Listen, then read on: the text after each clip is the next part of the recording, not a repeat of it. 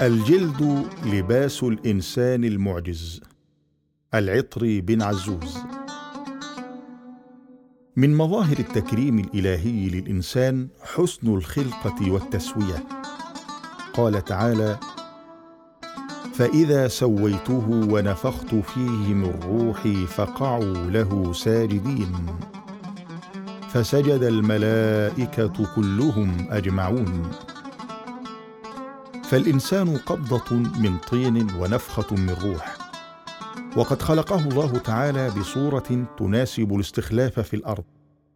فهو منصوب القامة ليرفع رأسه إلى الأعلى ليفكر بعقله. وجعل الله له عينين ولسانا وشفتين. ولو نقص عضو أو زاد لكان المنظر قبيحا. وكل تلك الأعضاء يغلفها ستار محكم بديع يحجب الأسرار التي تجري بداخله. هذا الستار هو الجلد وهو من أدق وأروع الآيات المحكمات الدالة على جليل صنع الخالق. لذا سنتوقف عنده قليلا لنتعرف على بعض أسراره. الجلد إعجاز وإحساس. حينما ننظر إلى جلد الانسان نجده يتأقلم مع كل المناخات ويتبدل دوريا كما يقول الدكتور كاريل إن الجلد الذي يغطي السطح الخارجي للإنسان غير قابل للاختراق بواسطة الماء والغازات كما أنه لا يسمح للجراثيم بالدخول إلى الجسم فضلا عن أنه قادر على تحطيم هذه الجراثيم بمساعدة المواد التي تفرزها غدده بيد أن تلك الكائنات القاتلة التي نطلق عليها فيروس قادرة على عبوره فالغريب أن هذا الجلد يسمح بخروج الماء ولا يسمح له بالدخول كما يقول الدكتور عبد الرزاق نوفل. فالجلد لا ينفذ منه الماء ولا الغازات رغم مسامه التي تساعد على إخراج الماء من داخل الجسم. فهو يخرج الماء ولا يسمح بدخوله. والجلد معرض لهجمات الميكروبات والجراثيم التي تسبح في الجو. لذلك يسلح بإفرازات قادرة على قتل تلك الميكروبات. أهم وظائف الجلد. ويضيف قائلا ومن أهم وظائف الجلد حفظ الجسم عند درجة ثابتة من الحرارة. إذ إن أعصاب الأوعية الدموية في الجلد تنشطها عندما يشتد حر الجو كي تشع منه الحرارة وتفرز غدد العرق ما يزيد على لتر من الماء فتنخفض درجة حرارة الجو الملاصق للجلد. أما إذا اشتد برد الجو انقبضت الأوعية الدموية فتحتفظ بحرارتها ويقل العرق. هذا الجهاز أعد بعناية وتقدير. الجلد أكبر أعضاء جسم الإنسان. وكما هو معلوم فإن الجلد هو أكبر عضو في جسم الإنسان إذ تبلغ مساحته مترين مربعين وتنمو خلايا الجلد وتموت وتستبدل نفسها باستمرار. وقد بين علم التشريح أن الجلد ليس كما كان الناس يتصورونه بأن جسم الإنسان حساس كله للألم. بل الحقيقة كما يقول الدكتور خالص جلبي إن انتشار الأعصاب تحت الجلد شيء لا يكاد يصدق وتنتهي الألياف العصبية بجسيمات خاصة يختص كل نوع منها بنقل حس معين فهناك جسيمات تنقل الحر وأخرى تنقل البرد وثالثة للمس والضغط ورابعة للشعور بالألم وخامسة تختص بنقل الحس العضلي أو ما يسمى بالحس العميق وهكذا تتنوع الإحساسات وتتباين. وهذا ما أثبته العلم الحديث حيث توصل العلماء المجتمعون في المؤتمر الذي عقد أخيرا بمدينة نيويورك وكان الهدف منه إظهار ما تفعله خلايا البشره وكيف تعمل. فكانت النتائج أنه عندما يصاب المرء بحروق شديدة فإن بعض وظائف الجلد البيولوجية والكيميائية تتوقف أو تتعطل وقد يكون توقفها أخطر من فقد الجلد نفسه. الجلد من صور الإعجاز العلمي في القرآن. وقد تناول كثيرون بالدراسة دلالة القرآن الكريم على وجود تركيبات دقيقة في الجلد تقوم بوظيفة الإحساس. وإذا دمرت تلك التركيبات عند حريق الجلد يتعطل نقل الإحساس ولا سبيل لإعادته سوى بتجديد الجلد وتبديل التالف. يقول العلي القدير إن الذين كفروا بآياتنا سوف نصليهم نارا كلما نضجت جلودهم بدلناهم جلودا غيرها ليذوقوا العذاب. إن الله كان عزيزا حكيما. فإذا دخل الكافر النار يوم القيامة وأكلت النار جلده فهل ينتهي الأمر عند هذا الحد؟ ويقول الكفار تخوفونا من النار؟ فالنار تأكل الجلد ثم نرتاح. لكن القرآن يخبرنا بأن الجلد سيبدل بجلد آخر حتى يذوقوا عذاب النار. وما كان بوسع أحد من البشر قبل اختراع المجهر وتقدم علم التشريح الدقيق أن يعرف هذه الحقيقة التي أشار إليها القرآن الكريم منذ أربعة عشر قرنا مضت.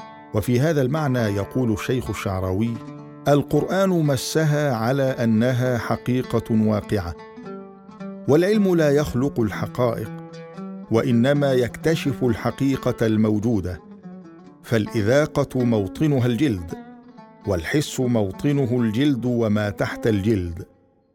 اذا القرآن قد تكلم عن الحقيقة العلمية حقيقة مستقرة ثابتة. صحيح أنه لم يعلمنا أن نعمل تجربة للمخ وتجربة للنخاع الشوكي وأعرف الحركة العكسية؟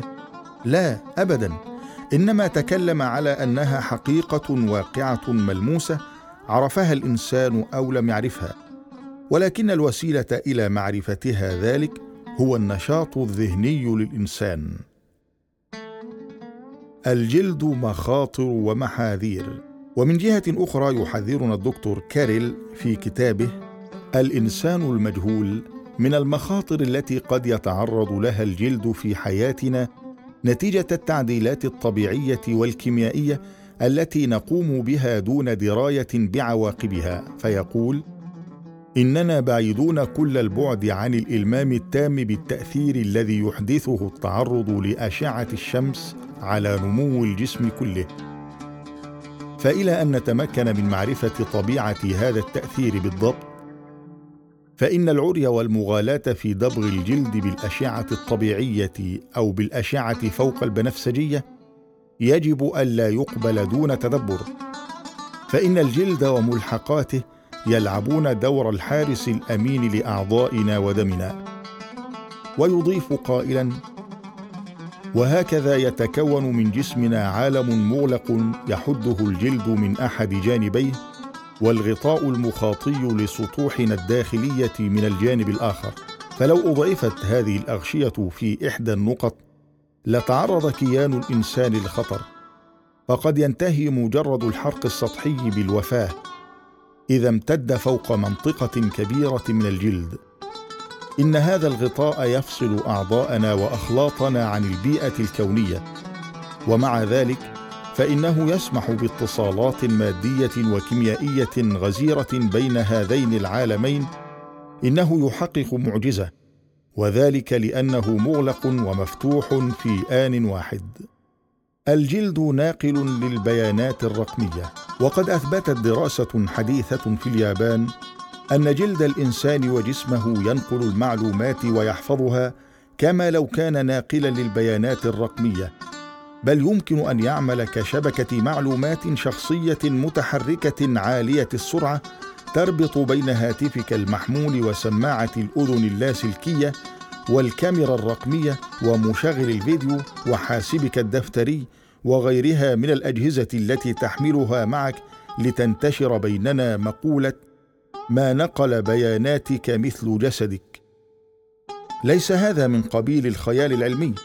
ولكنه تحول بالفعل إلى حقيقة مع تكنولوجيا RedTacton التي طورتها شركة الاتصالات اليابانية NTT Docomo والتي تمكنت بالفعل من نقل بيانات كالموسيقى والفيديو الرقمي عبر كابلات عبر الجلد من اللحم والدم.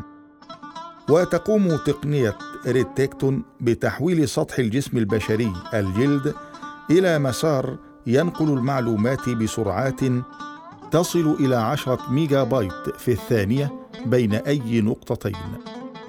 وبهذا الشكل يمكنك أن تتبادل مع آخر المعلومات من خلال مصافحة اليدين. يبدو أن هذا الكلام هو تفسير لقول الله تعالى حتى إذا ما جاءوها شهد عليهم سمعهم وأبصارهم وجلودهم بما كانوا يعملون. وقالوا لجلودهم لم شهدتم علينا؟ قالوا أنطقنا الله الذي أنطق كل شيء وهو خلقكم أول مرة وإليه ترجعون. وما كنتم تستترون أن يشهد عليكم سمعكم ولا أبصاركم ولا جلودكم. ولكن ظننتم أن الله لا يعلم كثيرا مما تعملون. ومعنى هذا أن الجلد والسمع والبصر وما يتصل بهم من أعصاب وأجهزة أخرى تقوم بدور حفظ المعلومات وكل ما يقوم به الإنسان في حياته ويوم القيامة حين يجحد الإنسان أعماله التي قام بها في حياته الدنيوية تصدر هذه الأجهزة البيانات المخزنة طيلة حياته وتظهر الحقيقة مبينة وتكون هذه الآية خير شاهد على إصرار الإنسان على المعصية وعدم الاهتمام بهذا النداء والتحذير الإلهي.